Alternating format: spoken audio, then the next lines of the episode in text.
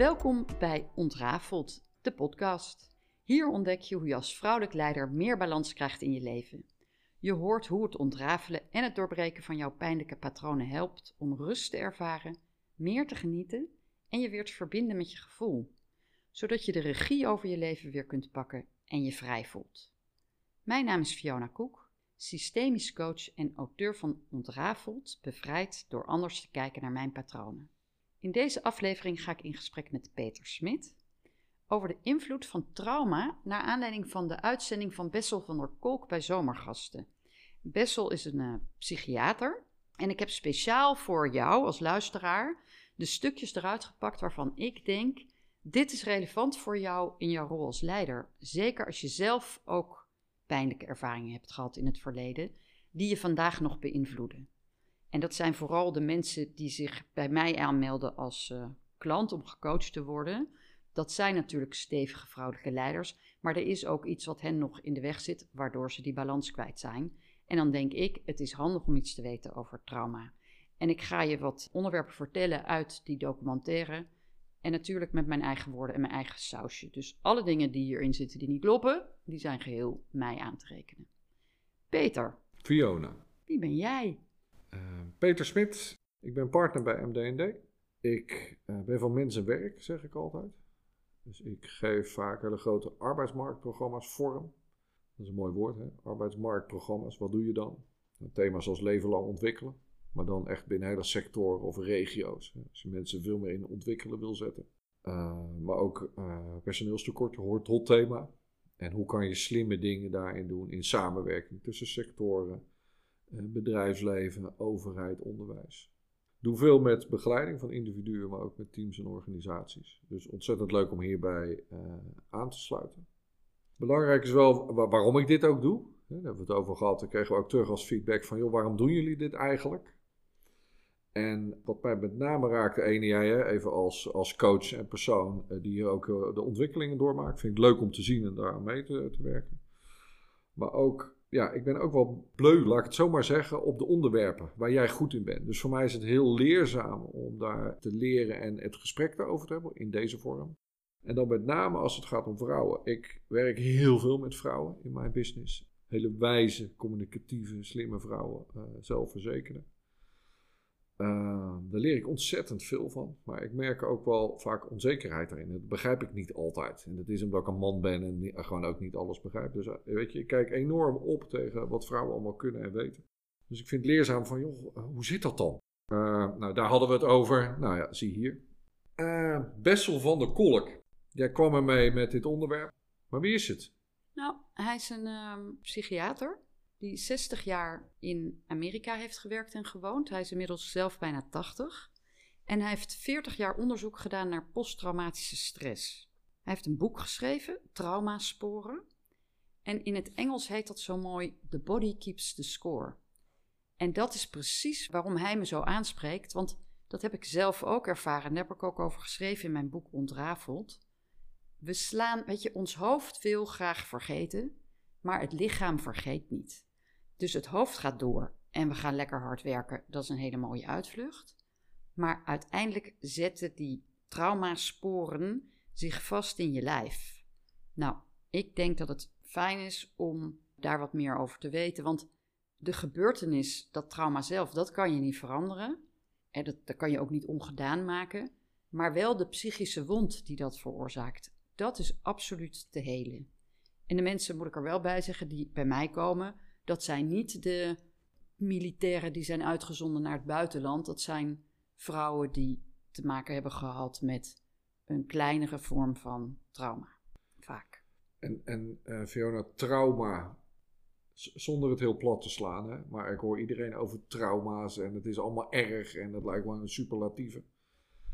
Hoe erg moet het zijn om die wonden te hebben? Ja, wel een mooie vraag. Superlatieve. Dus je krijgt bijna een soort trauma-hierarchie. En dat is ook waarom er nu wel veel meer aan trauma wordt gedaan en meer, waarom het meer ruimte krijgt dan in het verleden. Want in het verleden zeiden we: trauma is iets enorm groots. Maar we realiseren ons steeds meer dat trauma niet alleen maar, hè, zoals ik zeg, de militair die in, naar Afghanistan is uitgezonden of echt afschuwelijke dingen heeft meegemaakt. Overigens ook de moeder die een kind verloren is. Maar het zit hem ook in dingen als, als huiselijk geweld. En zoals ik in mijn boek heb geschreven, en wat een heel actueel onderwerp is, grensoverschrijdend gedrag. En de wonden die dat achterlaat, die kunnen soms, omdat die zo onbewust zijn, die, die gebeurtenissen die stoppen we weg. In mijn geval, mijn vader ging over mijn grens, mijn moeder keek weg. En ik vertelde mezelf, ja, nee, maar het was niet erg genoeg. Dus als je het hebt over die trauma-hierarchie, hij zat alleen maar aan me, het is niet verder gegaan. Maar dat is precies wat ik later realiseerde. Maar ten gevolge daarvan voelde ik me niet gezien. Ik dacht, als ik iets zeg, dan ben ik het niet waard om naar geluisterd te worden. Ik ben het niet waard, ik ben niet om van te houden. Afijn. Dus ik ging mezelf in mijn leven overschreeuwen, groter maken dan ik was. Ik wilde laten zien dat ik goede resultaten had, om toch gezien en gehoord te worden. Maar ja, wat ik zei, de body keeps the score. Dus er kwam een moment dat mijn lijf zoveel, dat ik zoveel pijn had in mijn lijf, dat ik er ook gewoon niet meer omheen kon.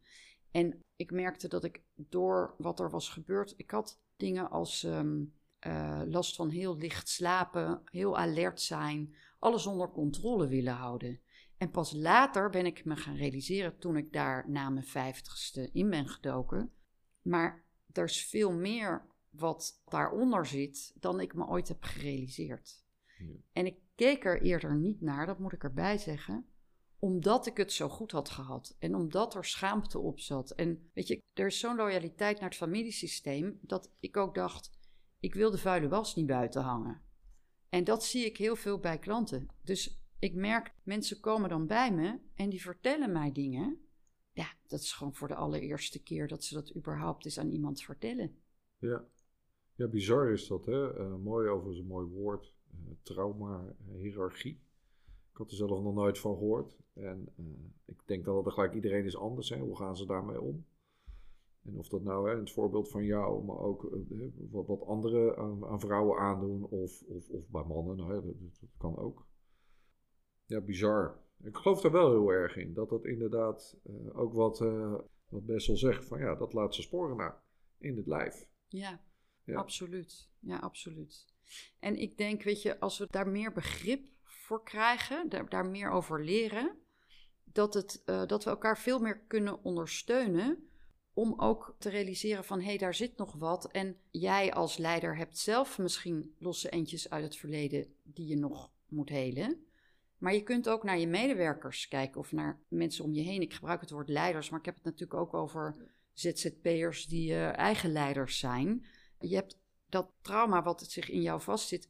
Het heeft gewoon een enorme impact op hoe je in je leven staat. En ik denk dat hoe meer senang we zijn met onszelf op het moment dat we wel het lef hebben gehad om hierin te duiken en alles aan te gaan, hoe meer we onszelf kunnen accepteren met onze mooie en minder mooie kanten, hoe meer je dat ook doet naar anderen. Dus ik geloof, weet je, hier worden we met z'n allen gelukkiger van als we hier kennis over hebben. En daarom wil ik zo graag bijdragen aan het verspreiden van deze kennis. Nou, eens. En dat is ook uh, in het bouwen van een eerlijkere wereld, laat ik het zo maar zeggen. Is dat je ook een rolmodel daarin. Dus, dus de rijkdom van je ervaring, hoe klote die ook is, even op zijn Rotterdams gezegd. Uh, dat je dat kan delen en signalen herkent. En, niet dat je er gelijk de reddende engel moet zijn. Maar uh, er zijn voor iemand en, en snappen wat iemand meemaakt. Of leren door die bril te kijken, is alleen maar rijkdom daarin. Absoluut. En Mooi dat je dit zegt, want Bessel van der Kok die zei in die aflevering... Ik heb zelf ook een traumatische achtergrond. In de zin van dat hij, zijn vader die heeft in een uh, kamp gezeten in de oorlog. En zijn vader was heel streng voor hem, maar mishandelde hem ook of, of deed vreselijke dingen naar zijn kinderen. En dan zei Bessel van der Kolk tegen zijn vader: Ja, nou nu doe je met mij, want die mensen in dat kamp met jou deden. Maar met het gevolg dat pa dan, dan kreeg hij weer klappen werd hij in de kelder gestopt. En hij zei, ja, dan zat ik in die kelder als klein jongetje. En dan zei ik, ja, ik wil eruit, ik wil eruit. Dus hij zei nu, later dacht ik, ja, jeetje, wat was ik zwak. Ik, ik wou dat ik veel sterker was geweest. Maar ja, dat is natuurlijk de wond van toen. En je wil er heel graag bij horen als kind. Zijn vader deed dit, zijn moeder keek weg. Dus hij is later nog in therapie gegaan. En hij zegt daar ook over: Ik heb alles gedaan wat ik altijd met mijn patiënten doe. Dus ik ben er echt helemaal doorheen gegaan. Om erachter te komen dat ik een wounded healer ben. Dus dat is precies wat jij net zei. Dat, dus hij zegt: Als mens ben ik nu veel, nog veel beter in staat om met, mijn, met compassie uh, naar mijn patiënten te kijken. En dat geldt natuurlijk ook voor de persoon, de leider, het individu wat dit meemaakt. En naar zijn eigen stuk heeft durven kijken om geheel, in mijn woorden, ontrafeld, zo heet mijn boek, eh, in het leven te staan. Ja, nou ik vind dat ook wel een mooie, bijna oordeelloos uh, dingen bezien.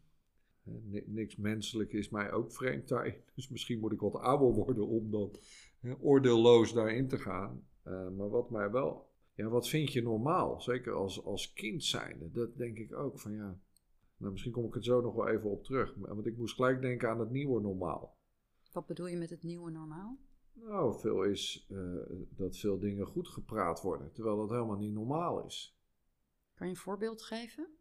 Nou, bijvoorbeeld omgaan met kinderen en, uh, en, en dan niet in jouw voorbeeld, maar uh, ik heb het wel eens met vrienden erover dat als ze met de kinderen onder de douche gaat, gaan, dat anderen daar dan heel erg gek naar kijken. Terwijl dat altijd wel normaal is geweest.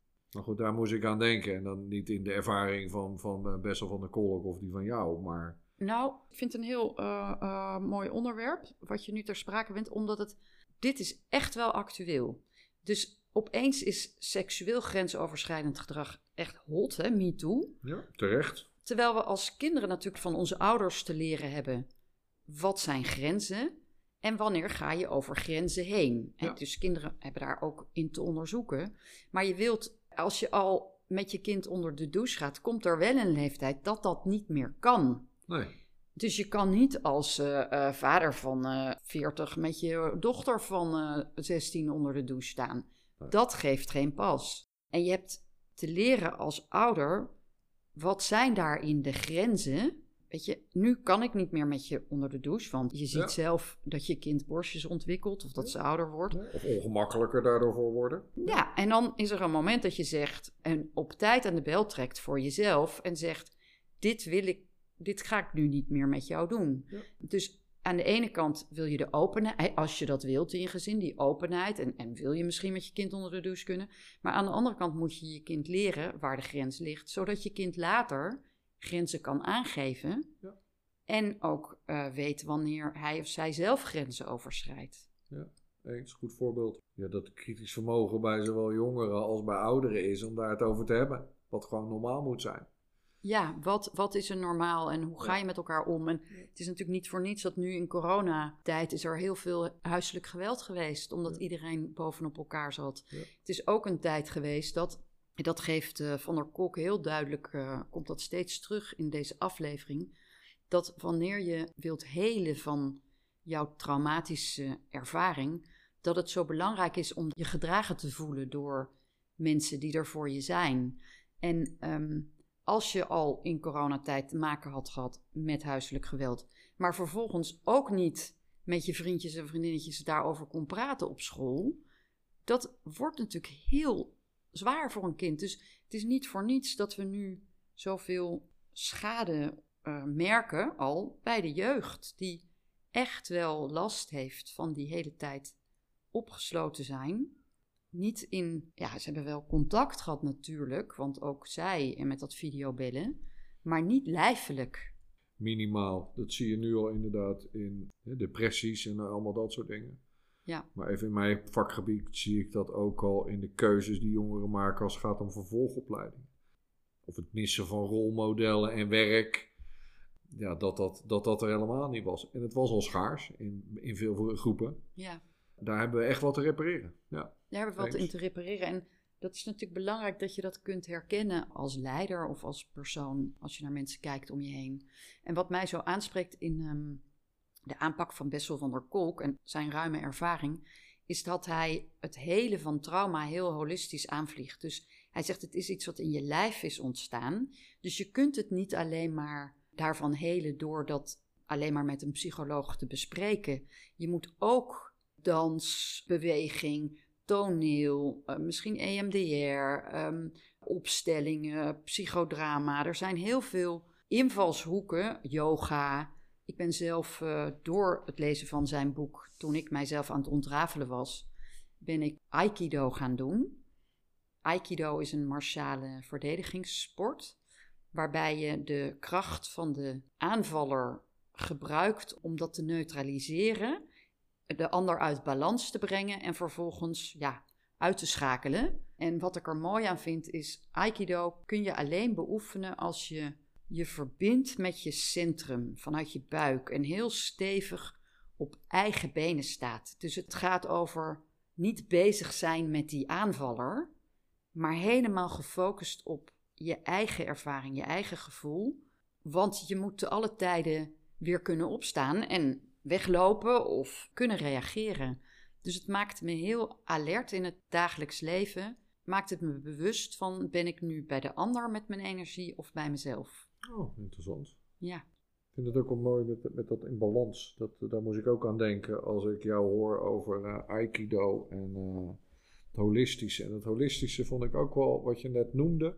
Want de een ja, die houdt niet zo van praten. Dus dat er meerdere manieren zijn om daarmee om te gaan. En misschien zit het wel in de combinatie van verschillende aanpakken daarin. Absoluut, dat is ook zo. Hè? Ja, maar goed, misschien kunnen we daar straks nog wat, wat voorbeelden op doen. Voor, voor mensen die daar toch wel verder van afstaan. Uh, Wat dat betekent. Toen, de, toen jij kwam hè, met Bessel van der Kolk, en denk, moet, moet ik nou heel die, die uitzending na? Maar ik weet wel dat er naar aanleiding van die uitzending veel in de media te doen was. Ja. He, allemaal gevaarlijke uitspraken, nou, allemaal uh, opiniestukken. Dat, dat kwam gelijk bij mij naar boven. En dat je dingen kon vergeten. En dat daar ineens een enorme discussie over was. Ja. Maar ik vond dat raar, want ik denk, ja, maar goed. Nou, wat vond je raar? Nou, ik geloof er wel in dat je nare dingen kan vergeten. Omdat je het wegstopt. Ja. En ik geloof er ook heel erg in dat dat ergens littekens in je lijf houdt. Maar goed, of dat nou goed of slecht is. Dat, maar hoe, hoe, zie jij dat? Nou, er is natuurlijk wel, um, uh, ook in die uitzending is daar um, wel uiteraard aan gerefereerd. Want waar de schrijvers van het opiniestuk voor wilden waarschuwen, is dat ze zeggen: als je betwijfelt of het mogelijk is dat je die herinneringen zou kunnen verdringen, dan is de angst dat als je in therapie bent, dat de therapeut jou bepaalde herinneringen of het trauma zou kunnen aanpraten. Ah, dus wat is de waarheid? Wat is de waarheid? En daarover zegt Bessel van der Kolk: Weet je, ik heb gewoon gezien bij mensen, het is zo lastig voor ze om naar dat trauma toe te gaan. Dat praat je ze niet aan. En ik heb ja, dichter bij huis, gewoon in mijn praktijk, mooi voorbeeld van iemand had ik onlangs nog. Ik merk dan dat in de veiligheid van de coaching gaan mensen praten. Nou, ik zie en hoor heel veel wanneer ik met hem bezig ben. Dus ik zei tegen iemand: Goh, weet je, het valt mij op dat jij heel verlegen binnenkomt. Je maakt jezelf als het ware kleiner. Ik laat de voordeur voor je openstaan, maar nog durf je niet zomaar naar binnen te komen. Ja, zei ze, ik ben, ik ben echt heel onzeker. En toen zei ik, goh, uh, waar komt dat vandaan? En toen kwam ze de volgende keer en ze zei, ik heb daar echt over nagedacht. Wanneer is dat ontstaan? En dat gebeurde toen ik als klein meisje naar Nederland kwam. En ik was veel eerder voller in mijn lijf dan mijn leeftijdsgenootjes. Maar ik had nog geen gymkleren. Dus ik moest gaan gimmen. Mijn leraar zei: Oh, dan ga je toch in je onderbroek? Ja. En ze zei: Ik voelde me, weet je, ik schaamde me, want ik had al borstjes. Dus ik zat met mijn handen gevouwen voor mijn borst. En die leraar zei: Ja, niet doen, je moet gewoon meedoen. En ze zei: Ik had het gevoel dat ik werd uitgelachen. En als je eenmaal dat gevoel hebt, dan is dat waar. Dus in alles voelde ze zich gekleineerd er niet bij horen. En, en doordat dit voorval naar boven kwam, kwam ze de volgende keer en ze zei ja, en ik weet nog dat een leraar mijn tekening uit het raam gooide omdat hij niet goed genoeg was. Of ik weet nog dat ik te horen kreeg, nee, jij kan toch niet naar de middelbare school. En nou ja, allemaal van die, die teksten die dan zo bijdragen aan wat er in jouw lijf gebeurt. En je het wegdrukt want het is geen helpende gedachte. Nee. wat ik wel een interessante vind, moest ik ook aan denken, hè, wat is de waarheid? Iedereen heeft ook zijn eigen waarheid. Ja. En dingen gaan een leven leiden in je hoofd. Dus ik geloof ook wel dat dat tijd nodig heeft om, om boven water te krijgen. Dat vind ik ook wel interessant. Zegt hij daar nog iets over of niet? Hoe, hoe lang doe je erover? Of wat is jouw ervaring daarin? Wel voordat het zich, aan, het, Ja. het zich aandient. Nou ja, of dat het verhaal compleet wordt. En eh, Nou, daar kan ik echt geen antwoord op geven. In de zin van, ehm, als ik kijk naar mezelf, en daar heb ik ook over geschreven in Ontrafeld, en ik heb ook aan het eind gezegd, dit is mijn waarheid. ja, Weet je, ik weet ook niet wat ik... ehm, ik kan de film niet meer terugkijken van mijn leven. Ja. Maar ik denk dat als je daar eenmaal mee aan de slag gaat en je staat daarvoor open en je bent bereid om ja, die lagen af te pellen en echt die diepte in te gaan en dingen zich te laten ontvouwen, hè, dat is wat, wat ik meestal merk. Ja. Ja, dan kom je ook echt wel bij het waar dan naar gekeken wil worden. Wanneer je daarvan geheeld bent en kunt zeggen, nou klap erop, eh, u bent eh, genezen. genezen. ja, dat, eh, eh, daar wil ik geen uitspraak over doen. Nee, daar geloof ik ook niet in. Alles heeft zijn tijd nodig en iedereen. Mijn ervaring is ook op met dingen die ik heb meegemaakt. En, niet, niet in ja, trauma's. Ja, misschien ook wel een trauma dat dat echt wel eh bijna anderhalf jaar duurde voordat je dat de inzage hebt, dat je er iets mee kan en, en, en, en dat je het aan gaat pakken. En ben je, er dan, ben je er dan klaar mee? Nee, je moet er altijd alert op blijven. Dus ja, het, het is nooit klaar, jammer genoeg.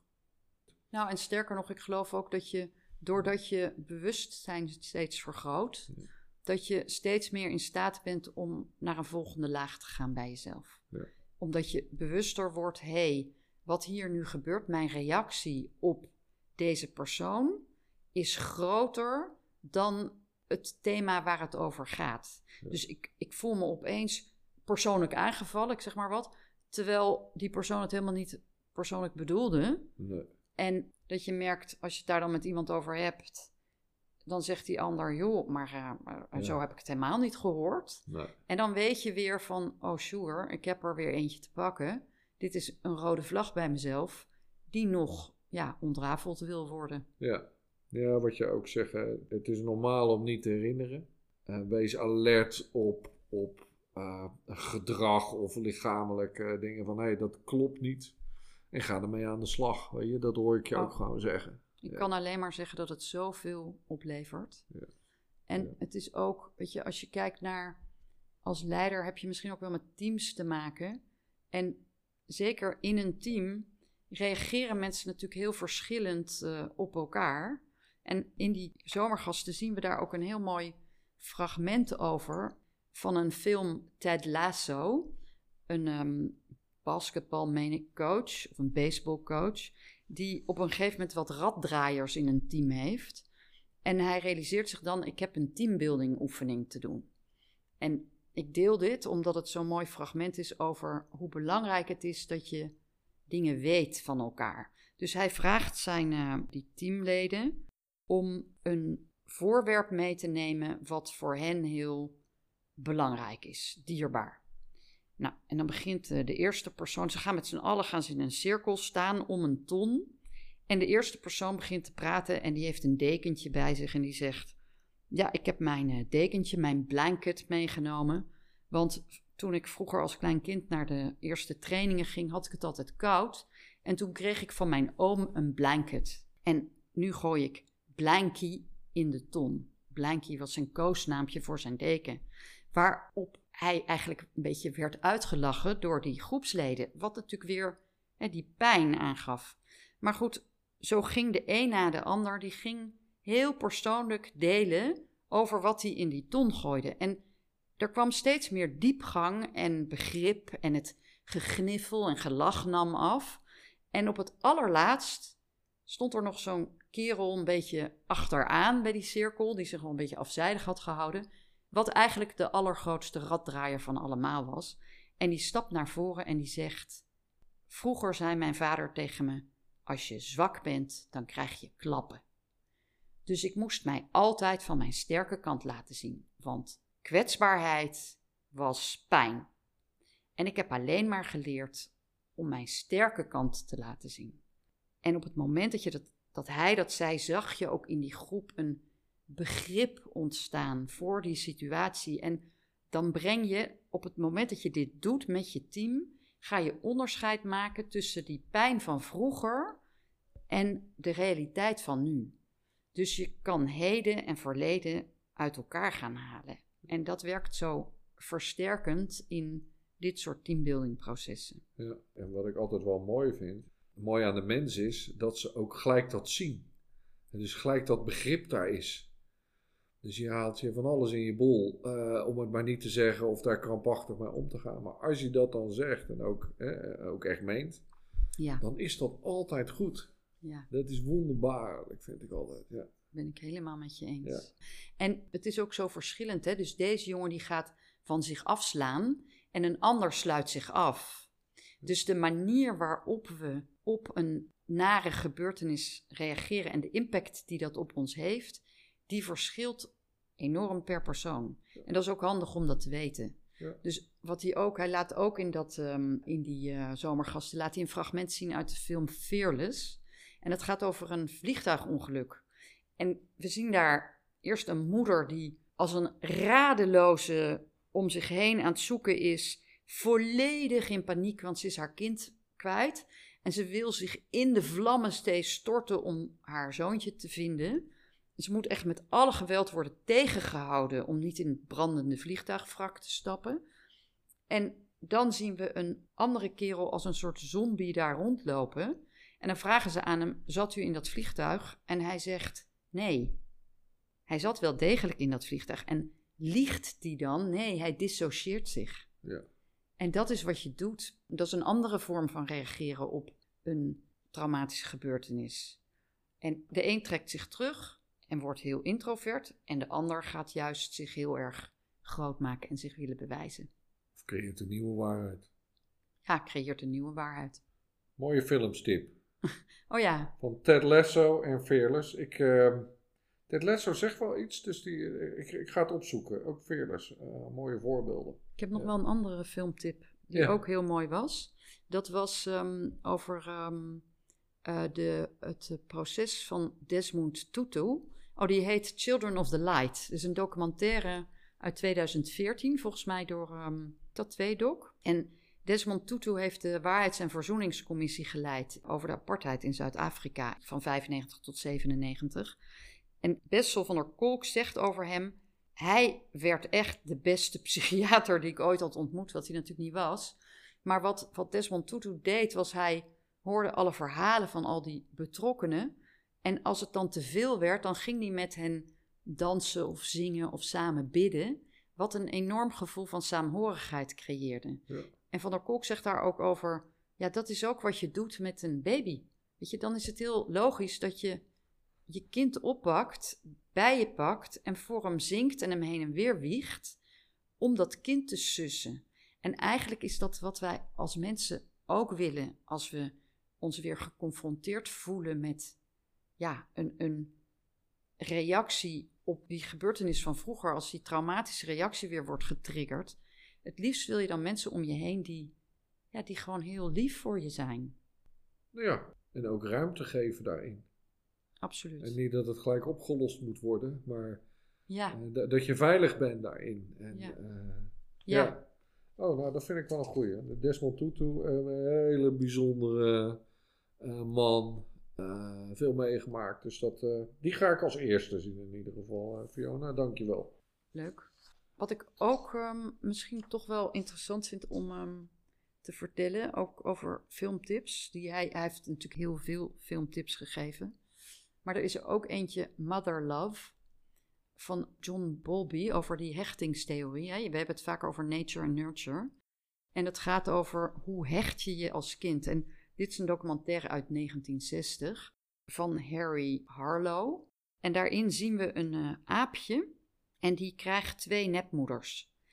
Eén is een ijzeren, ijzerdraadmoeder met een tepel waar die kan zogen.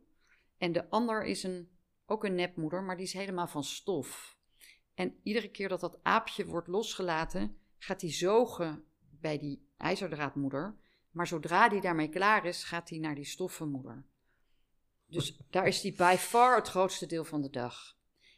En dan op een gegeven moment pakken ze het aapje op en stoppen ze het in een ruimte met allemaal vreemde objecten. En het aapje trekt zich helemaal terug in een hoekje en je ziet hoe gespannen het aapje is. Dan brengen ze die ijzerdraadmoeder binnen en er verandert niks. Maar dan komt die stoffenmoeder binnen en direct kruipt dat aapje bij die stoffenmoeder. Ja. En die komt helemaal tot rust. En dan gaat hij die ruimte verkennen. Als een Ah. nieuwsgierig kind. Dus Ja. dit is wat we ons moeten realiseren. Kijk je, als je dit vertaalt naar de werkvloer. Ja. Mensen staan pas open voor nieuwe ontdekkingen, leren, eh, nieuwe ideeën, verandering. Als het veilig voelt. Absoluut. Eh, maar ook als de kaders helder zijn in, in eh, wa- wat hun rol daarin is, et cetera. Dus, Ja, hè, dus misschien de ruimte. nou ik wil hem omdraaien. Om je veilig te voelen heb je nodig dat er structuur is, dat er kaders zijn, Ja. dat er leiders een plek inneemt, duidelijke rollen en verantwoordelijkheden. Dat draagt bij aan veiligheid. En dat is voor iedereen anders. Want de ene heeft hele duidelijke kaders nodig en de ander eh, een contour. Hè? Dus dat moet je toetsen bij iedereen. Daar kom je niet met een half woord mee weg. Nee. Nou, mooi. Mooi. Dank voor je tips, eh, Fiona. Nou, eh, Betsel van der Kok en eh, Janine Elbering. Ja, eens, eens, eens. Maar goed, ik zit hier nu met jou. Eh, er was nog één, en je noemde dat net al met, met voorbeelden. dat EDMR. Oh ja, EMDR. EMDR, nou daar heb je het al. Wat is dat? Ehm, letterlijk betekent het Eye Movement Desensitization and Re- Reprocessing. Nou, ik moest het echt opzoeken, ook al kan ik goed Engels, maar desensitization is desensibilisatie. Dat zegt mij ook nog niet zoveel. Nee, dat wou ik net zeggen. Dat is je ongevoelig maken voor bepaalde stoffen. En reprocessing is een materiaal op zo'n manier behandelen dat het herbruikbaar wordt. Dus in dit geval, de emoties die horen bij het voorval, die worden sterk verminderd. De herinnering aan het voorval verandert niet, maar doordat de emoties minder heftig zijn, kan je onderscheid maken tussen toen en nu. Tussen wat er het verleden en het heden. En wat er gebeurt bij EMDR, ik heb het zelf ook meegemaakt, je wordt gevraagd om terug te gaan naar een herinnering en om je weer helemaal te voelen in je lijf, fysiek, wat gebeurt er nu met mij? Dus, nou ja, eh, je kan je misselijk voelen en angstig en klein en gespannen. En dan gaat de behandelaar met twee, die vraagt je om recht vooruit te kijken en die gaat met twee vingers voor je ogen langs en dan wordt je gevraagd om je hoofd stil te houden, maar die twee vingers te volgen met je oogbol. En die gaat een aantal keren heen en weer. En dan op een gegeven moment snapt hij met zijn vingers. En dan is het klaar. En wat er gebeurt, is dat je, heb ik me laten vertellen, dat de oogzenuw van je, vanuit je oogbol is verbonden met de amygdala. En de amygdala is het stuk in je hersenen wat dit soort traumatische herinneringen opslaat. Oké. En doordat die zenuw zo heen en weer wordt bewogen, dat maakt dat die herinnering vermindert. Oh. Ja, en eigenlijk direct na wat er, eh, nadat je dit hebt gedaan, dus het is een proces van minuten, kijk je anders naar wat er toen gebeurde. Dus het wordt niet een herbeleving, maar een herinnering. Ah. Waar je op een andere manier over kunt praten. Dus je kunt onderscheid maken tussen wat er toen was en wat er nu is. Kan je dat zelf ook doen?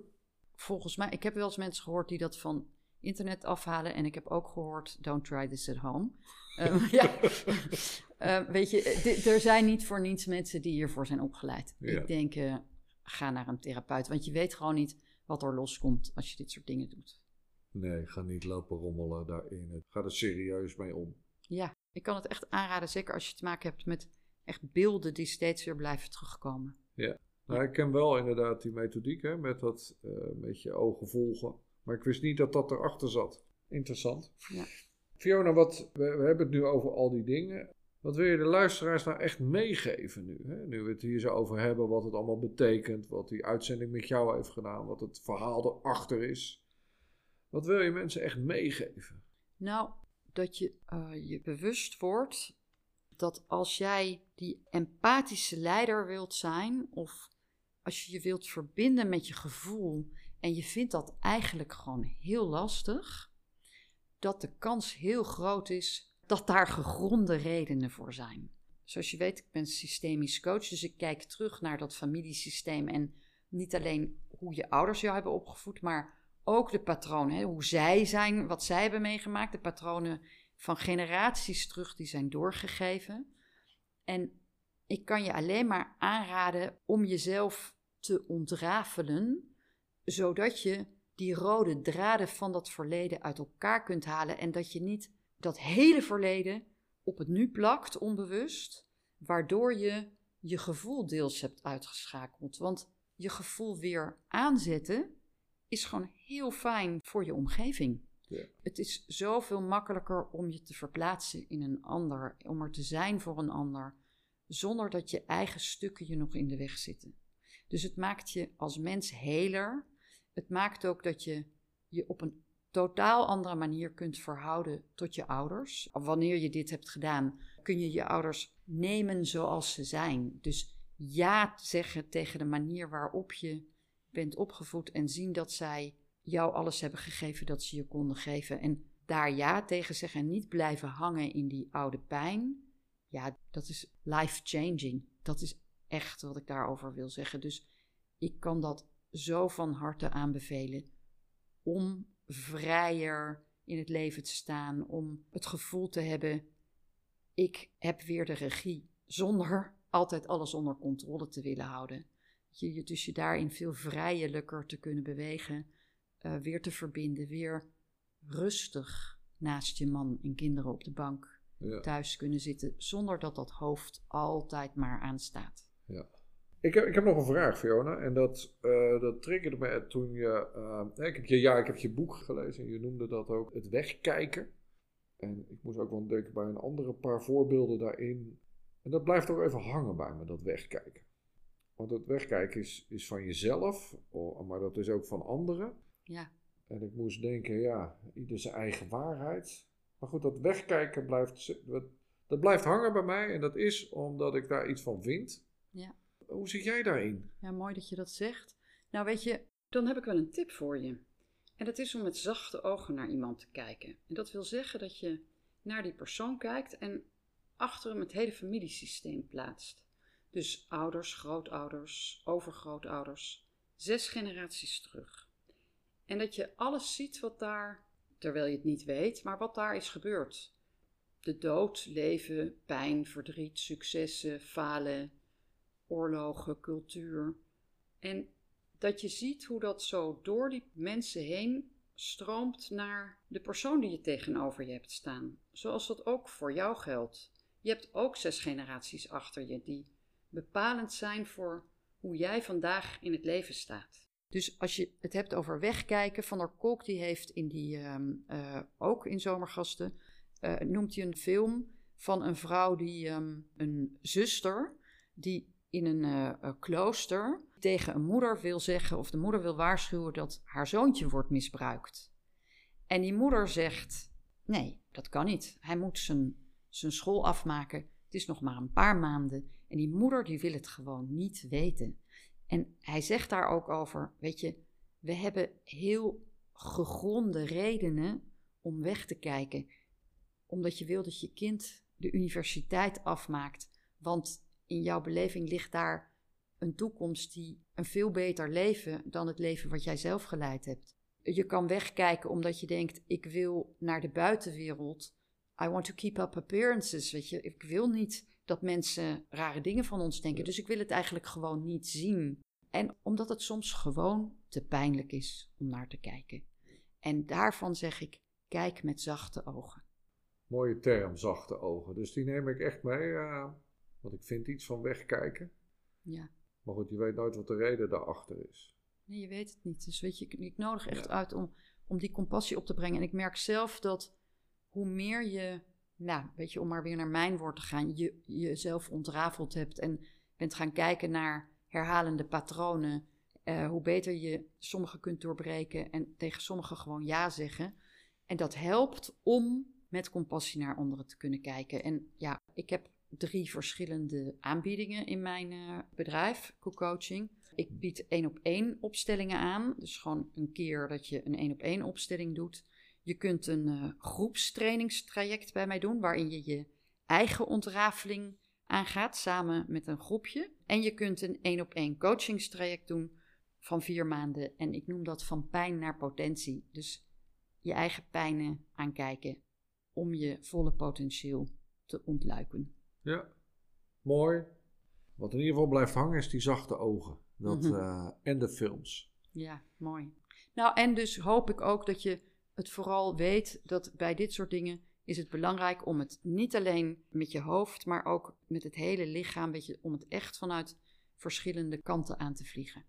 En daar ook vragen over te stellen met, met elkaar. De, ik noem het ook wel eens de kunst van het gesprek. Ja. Of de kunst van de dialoog en uh, samen wijzer worden daarin. Nou, en de kunst van het luisteren. Ja, ja, hele goeie. Ja.